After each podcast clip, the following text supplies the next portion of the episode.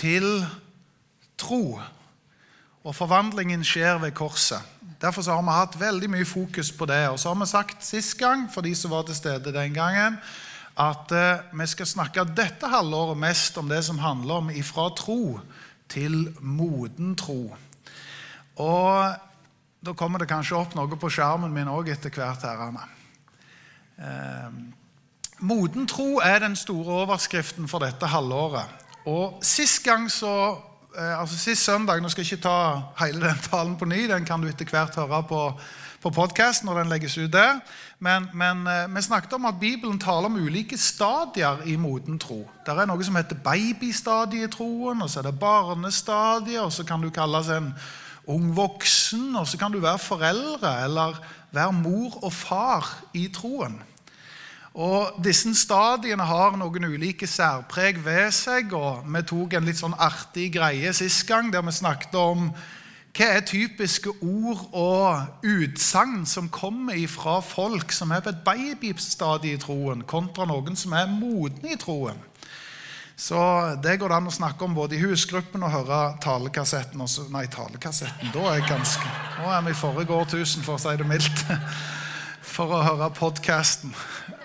Vel, eh, vi skal snakke om moden tro fortsatt, men jeg syns det er nærliggende å si at alle som ønsker å modnes i troen og være på en disippelreise, de fortjener også å få et godt svar på men hvordan skjer denne her stadieutviklingen, disse her trinnene der vi modnes i troen. Hvordan skjer det helt praktisk? Hvordan blir vi som enkeltpersoner disippelgjort?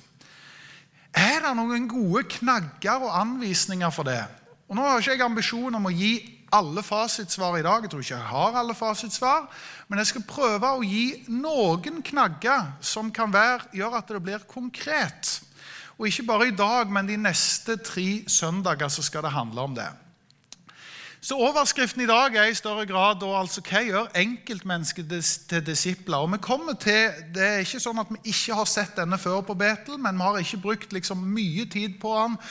Derfor skal vi bruke tre søndager egentlig med denne illustrasjonen som utgangspunkt. denne trekanten. Det har vi kalt en disippeltrekant, egentlig henta fra Philadelphia, Oslo.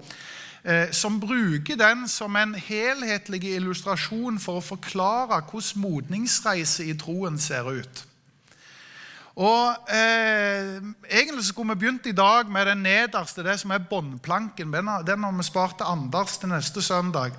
Men båndplanken i i kristen tro og i etterfølgelse av Jesus, det er evangeliet om Jesus Kristus. Det er nåden som er fundamentet vi står på. Og Det er ikke sånn at nåden bare frelser oss, men nåden er det vi bygger livet vårt på. Derfor så står det i Bibelen om det går an å bli sterk i nåden. Og Det å virkelig være sterk i nåden og sterkt fundamentert i evangeliet, det er båndplanken som aldri forandrer seg. Det handler ikke om hva jeg gjør og hva jeg får til, men hva Jesus allerede har gjort. Og det må alltid være fundamentet i den kristne tro.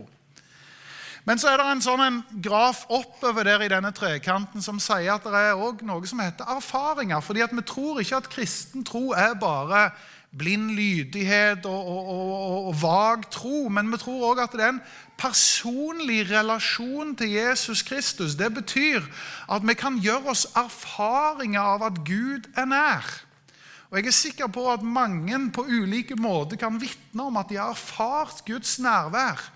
Gud som far, Jesus Kristus som frelser, Den hellige ånd sitt nærvær. Og På ulike måter så går det an å snakke om at det er en dimensjon av det å være i etterfølgelse av Jesus. Erfaringene. Det vi skal snakke om i dag, det er liksom den tredje dimensjonen her. og Det er fordi at vi er tidlig i året, og folk begynner å sette seg eh, mål for årene. og Nå vet ikke jeg hva forsett du har, og om du har betalt for nok et passivt medlemskap på, på treningsstudio, eller hva du har eh, gjort. Men det å etablere noen praksiser, noen gode vaner, det er òg noe av det som tar oss på en reise fra tro til moden tro.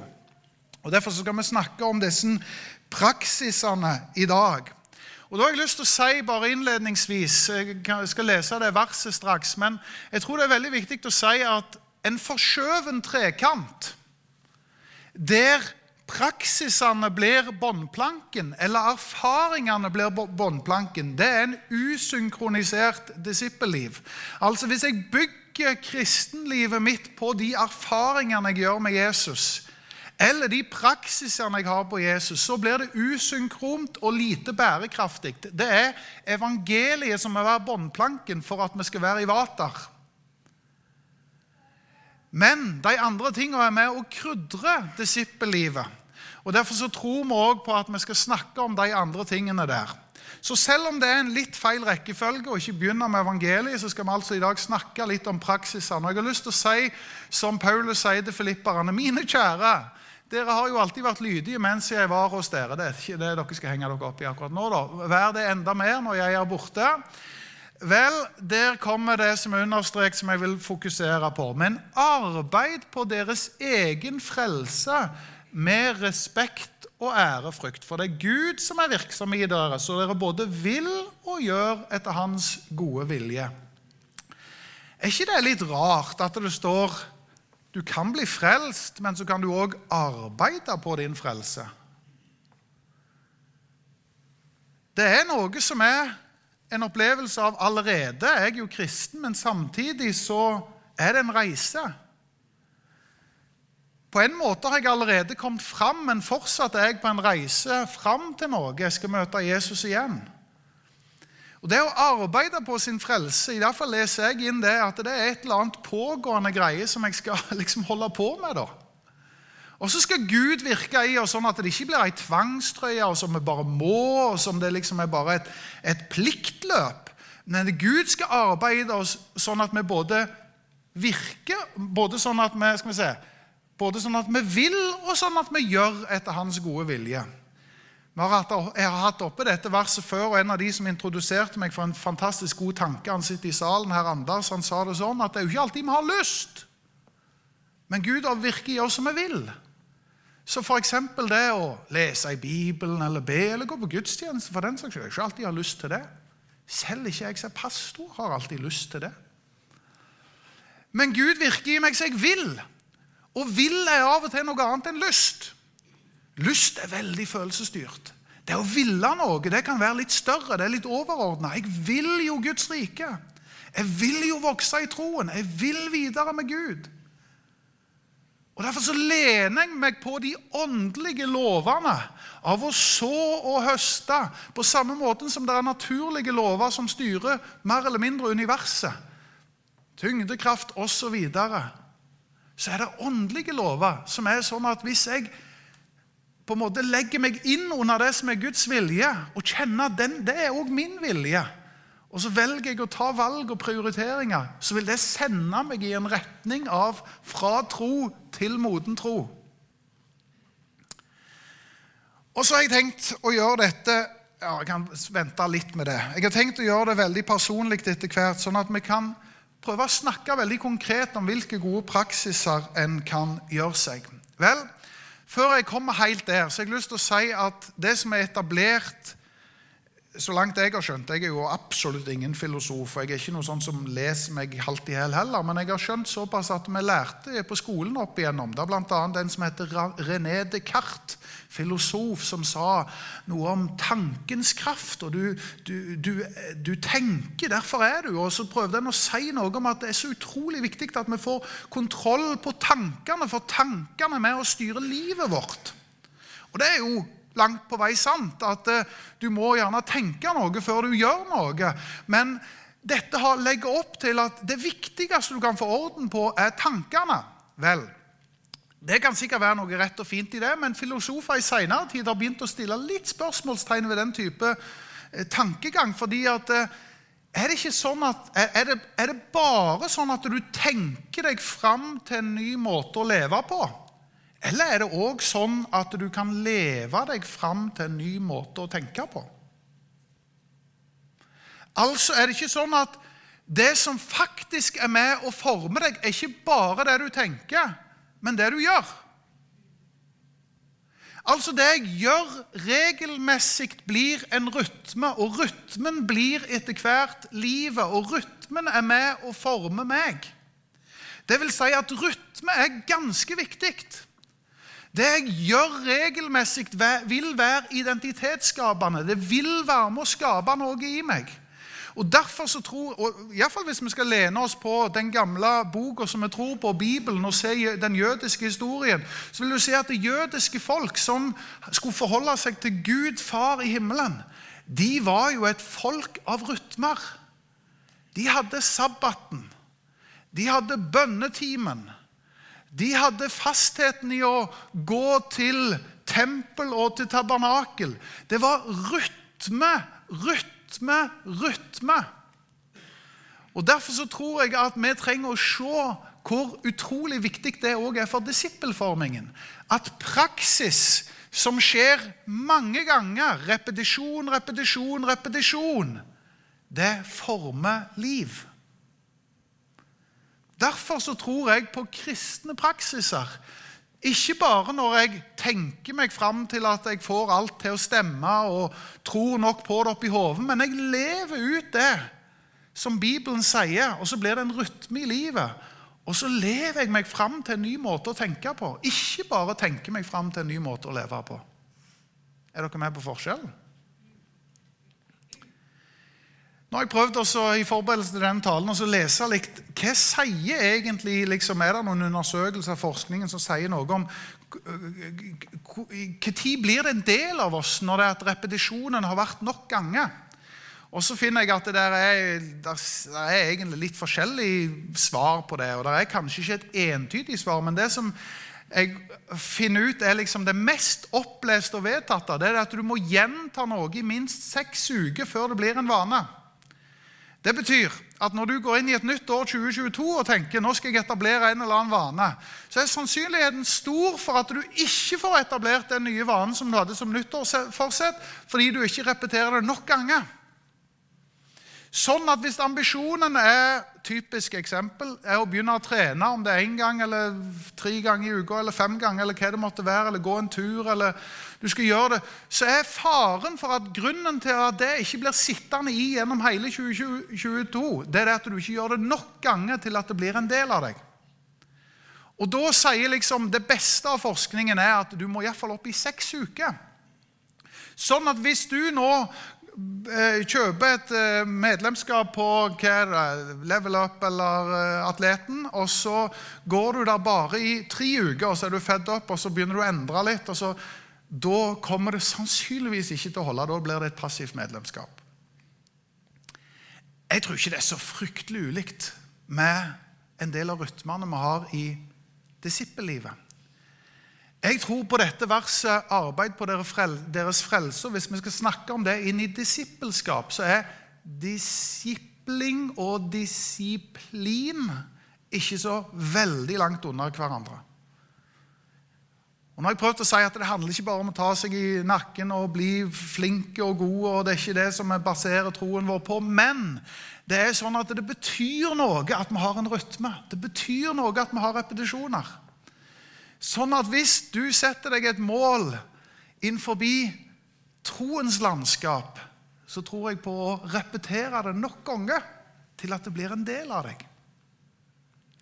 Og Nå skal vi prøve å si noe av disse vanene som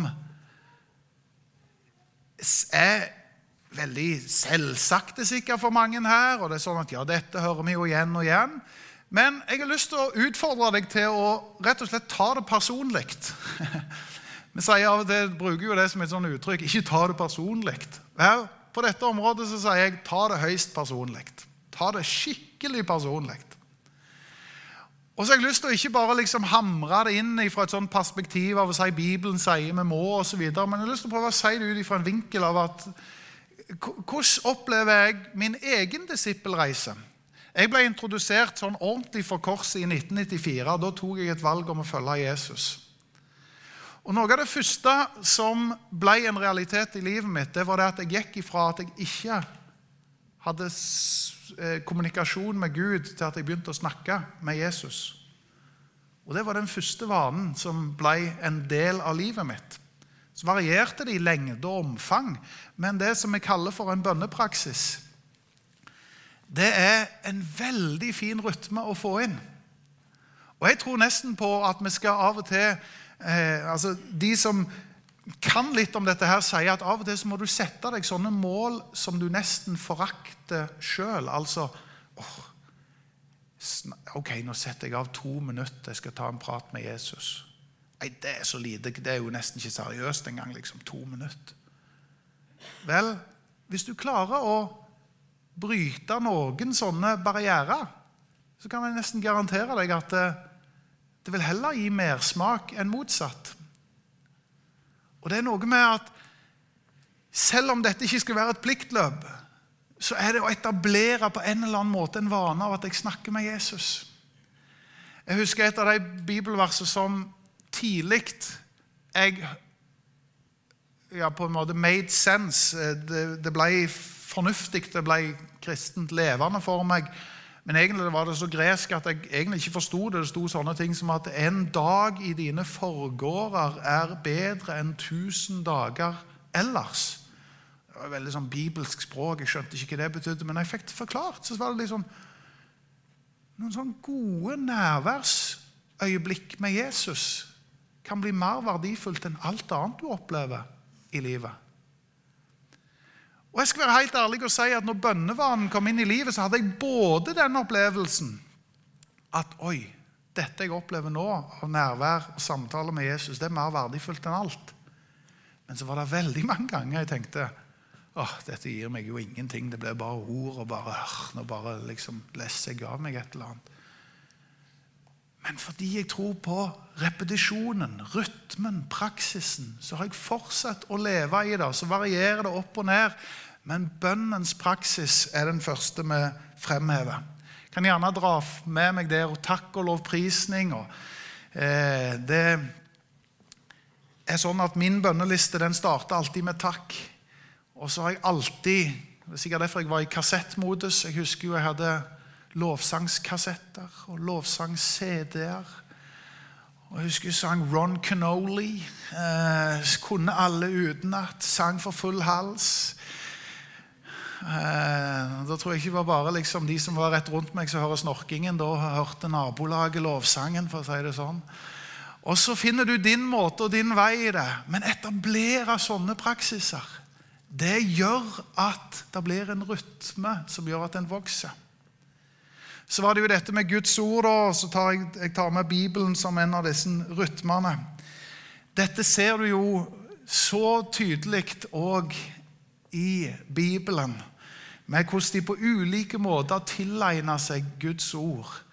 De leste salmene, de memorerte salmene, de sang salmene. De gikk for Noen kunne sitte ved Gamaliels føtter. Det handla jo om at de satt og fikk undervisning. Eh, det gikk jo lenge før de hadde sin egen bibel, og, og, og, og det var jo bruddstykker bare fra Gammeltestamentet. Så, så, det var jo mange ganger det bare de lærde som kunne ting. Men allikevel så tilegna de seg en rytme av å tilegne seg Guds ord. Og så er jo vi i et privilegert ståsted der vi kan bare taste inn på en app, og så finnes det massevis av oversettelser av varianter. og Det som var vanskelig å tilegne seg, har blitt veldig lett tilgjengelig. Og så tror jeg på akkurat det samme. Sett deg heller et mål du nesten forakter, enn å bare la Bibelen ligge og støve. Om det så bare er dagens bibelvers som plinger, eller om det handler om de podkastene du lytter inn, og det at du tar fram den bibelboka og leser et kapittel til dagen, eller om du har større ambisjoner.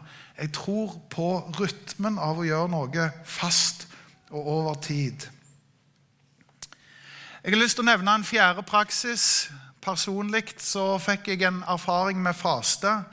Og helt ærlig så tenker jeg nok at Første gang jeg ble introdusert til faste, så tenkte jeg nå er jeg, nok en, nå er jeg litt sånn seriøs, flink kristen her. Jeg gjorde nok mest fordi at jeg skulle liksom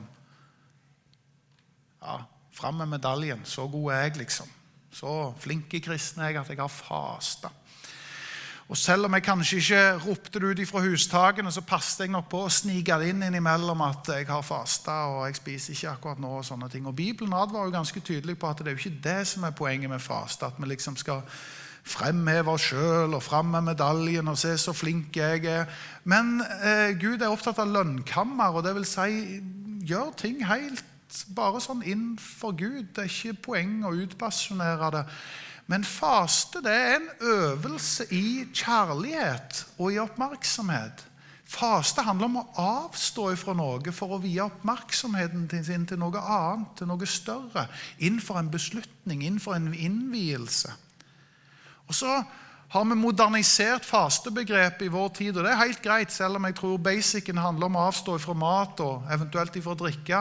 Så er det ulike ting en kan faste ifra. Si jeg skal være uten TV eller sosiale medier eller et eller annet i en sånn og sånn periode. Du avstår ifra noe for å vie oppmerksomheten. Den tiden du ellers hadde brukt, så er du innenfor Gud innenfor et nytt år, innenfor en hendelse, innenfor en situasjon, innenfor noe dere står i. Bibelen sier 'når dere faster', ikke 'hvis dere faster'. Så det er tydelig at det er en slags normal praksis. Det hadde vært en gøy ting om du vågte å sette deg et litt sånn Kanskje et mål du forakter. Jeg vet om han, sier det at en som sitter i rommet her, han sier han faster stadig vekk. Faster mellom hver måltid. Og det er jo altså bare noen, det er jo en kjempe Og det er jo kanonbra hvis du kan faste f.eks. en hel natt. Så breakfast, eh, breakfast det er jo å brekke fasten på morgenen til frokost. Så jeg mener målene kan bli litt for tullete òg, altså. Eh, det å faste en hel natt det er ikke en spesielt stor, imponerende eh, prestasjon. Men kanskje du skulle våget å tatt ett sånn et steg og prøvd ut det òg. Jeg tror disse tingene er med å føre oss i modenhet med. Og nå kunne vi brukt fryktelig lang tid på å snakke om alt dette. Jeg skjønner jeg må rushe mye fortere nå for å komme igjennom. Jeg sier givertjenesten til slutt som en sånn personlig ting. Dette står det jo om i 1. Korinterbrev kapittel 16. Der står det mer i en sånn ukeslønnperspektiv. Når du liksom kommer på slutten av uka, sett til side det du har bestemt deg og satt deg føre, og gi til Guds sak. Og så er ikke vi på ukeslønnnivå nå, for nå i våre dager så er det månedslønn stort sett. Men det er fortsatt det samme. Det er lær deg til rytmen av å gi. Det er med og gir en større horisont på pengesekken, på det du er opptatt av, fordi at pengene forteller noe om hva du brenner for og bryr deg om. Vær, vær med og investere inn i Guds sak. Det gjør noe med deg, og det selvfølgelig skaper noe i de stedene og de sammenhengene du gir til. Vi kunne utvide dette og snakket om både memorering og medit si, meditere på Guds ord. En kunne snakket om hvile, en kunne snakket om tjeneste. Poenget er at personlig kristen, personlig tro, òg innebærer personlige praksiser. Personlige relasjonen til Jesus Kristus og en rytme i det det er med å lede oss i modenhet. Men så er ikke kristen tro bare solo og meg og Jesus.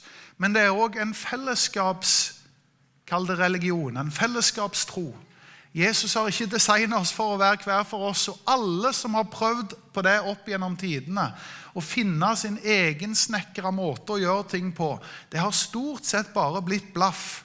Altså, jeg tror bare på meg og Jesus, og fellesskapet er ikke så viktig. Og sammen med de andre troende det betyr ikke så mye.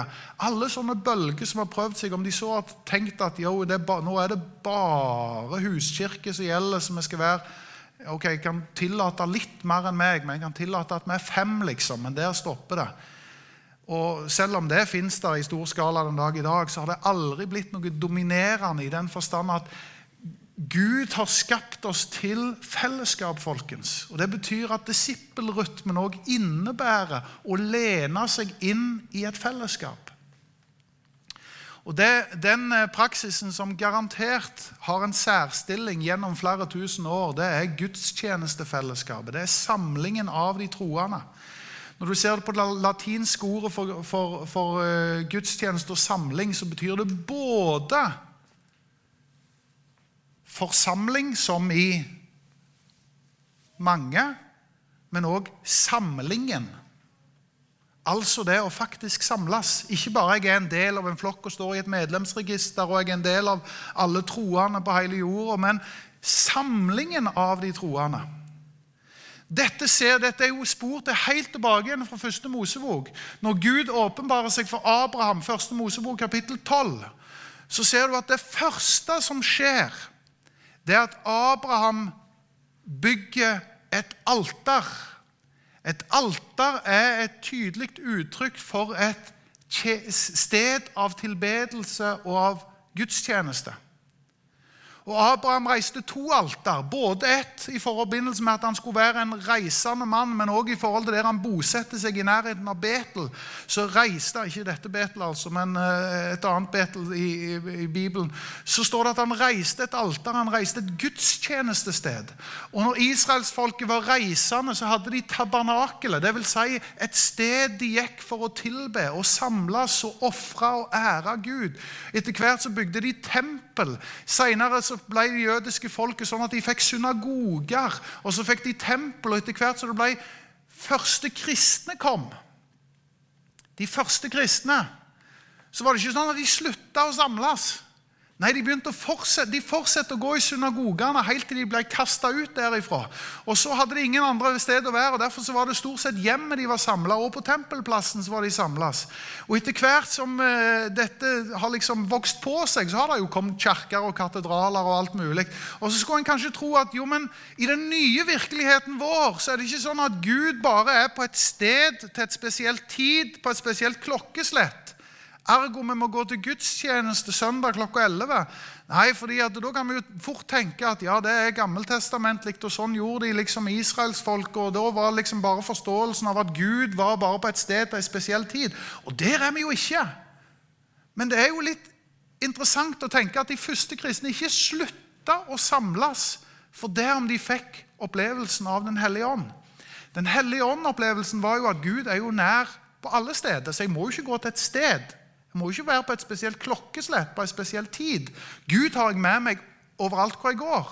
Og den nytestamentlige eh, eh, undervisningen om gudstjenesteliv det utvider jo gudstjenestebegrepet Det sier si at gudstjeneste er ikke bare noe du går til. Første, nei, Romerne kapittel 12 sier at dette skal være deres åndelige gudstjeneste, å bære fram kroppen hver eneste dag. Jakob kapittel 1 sier at dette er gudstjeneste, og ta dere av enkene og farløse og de som Altså, gudstjenestebegrepet utvides til at det er hverdagslivet. Jesus er nær. Det handler om å bry seg om folk i hverdagslivet. Men det betyr ikke at de fleste kristne dermed slutta å samles. Tvert imot så fortsatte de å samles som aldri før. Det ene utelukker ikke det andre. og Derfor så tror jeg at det har vært spesielt identitetsdannende for en kristen etterfølger gjennom flere tusen år. og Det å utfordre det og si at vi har funnet en slags solomåte å være kristen på, der vi bare velger vår liksom, Nei, vi dropper bare gudstjenestefellesskap og samlingen. Det er risikosport. For det er verken sånn at du finner belegg for det i Bibelen, eller at du finner spesielt god erfaring med det i historien. Som troende så trenger vi å møte hverandre. Et sted der vi hører ordets forkynnelse, tar del i lovsangen, ber våre bønner, bekjenner våre synder, eh, sendes ut en ny dag, kjenner på fellesskapet. Gudstjenestefellesskapet en god rytme hvis du vil være i en modningstro. Hvis du vil være i en modningstro. Der vil du stort sett òg bli introdusert for nattverden som eh, hvis du går tilbake historisk på det, så var det høydepunktet i den nytestamentlige gudstjenesten. Jesus innstifta nattverden. Han leste fra Salmenes bok når han innstifta. Og så sier han så ofte som dere gjør dette, skal dere gjøre det til minne om meg. Og så blir det noe veldig håndfast, dette som er måltid, å dele et brød og vin, og noe som er veldig konkret. Så sier her innrett, opprett deg. Her fornyer du, og her minnes du om den pakten som Gud har inngått med sitt folk. Her finnes det både Det er en veldig håndfast måte å finne ut at Jesus har tilgivelse til oss. Det er en håndfast måte å uttrykke at Gud er oss nær. Det er en håndfast måte å si at Jesus kommer til å komme tilbake igjen. Både i det som har vært, det som er, og det som kommer, ligger der en dimensjon i nattverden. Og Derfor så sier vi innenfor et nytt år så håper vi vi skal feire nattverd oftere og oftere. Og gjerne la det være basert i hjemmene og i husgruppen. Og vi har lagd forskjellige maler og ting som gjør at det skal bli lettere å bruke denne praksisen også på hjemmebane. Gjerne hjemme med familien din. En flott ting å gjøre med familien. Vi tror på nattverdsfellesskapet. Og Så nevner jeg bare kjapt Synsbekjennelse det har vi ikke en sånn veldig sterk tradisjon for å gjøre på en formalisert måte i pinsesammenheng. Vi har liksom ikke en skrifteboks og litt sånne ting, men det står 'bekjenn syndene for hverandre'. Så står det noe om at det skal være en helbredelse i det. Og Det å ha et språk og en praksis for å ta tak i de mørke sidene av livet, fordi at de har vi både i tanker, i ord og gjerning, så har vi gjort dumme ting. Om du har en eller annen du lener deg på, som du er fortrolig med, og som du tror på, del de mørke sidene. Sett ord på det. Kjenn at Jesus sin tilgivelse kommer og renser deg og gir en ny start. Husfellesskap, gjerne det mest brukte ordet vi har for den type fellesskap, koinonia. Det å være like hengitt til hverandre som til Jesus. Tenk å være i et husfellesskap der jeg kan dele liv der vi kan være tett på og bry oss om hverandre, be for hverandre. Det tror vi på. Tjenestefellesskap som handler om at Jesus også har sagt at hans menighet er som en kropp. En kropp er først og fremst det viktigste budskapet til, eh, jeg har å si til ulike kroppsdeler hos meg og deg i dag, det er at det tilhører. Det hører hjemme. Det passer inn. Den armen, det viktigste budskapet til deg, kjære arm, det er du hører hjemme, du tilhører, du er en del av. Men kjære arm, du har òg en funksjon. Det er noen talenter, det er noen muligheter, det er noen evner der. Og Det er jo det fine med å tenke at vi er Kristi kropp. Det er først og fremst sånn at vi tilhører, men Gud har også gitt oss massevis av evner og gaver, talenter, for at vi skal kunne bruke de til å tjene Ham.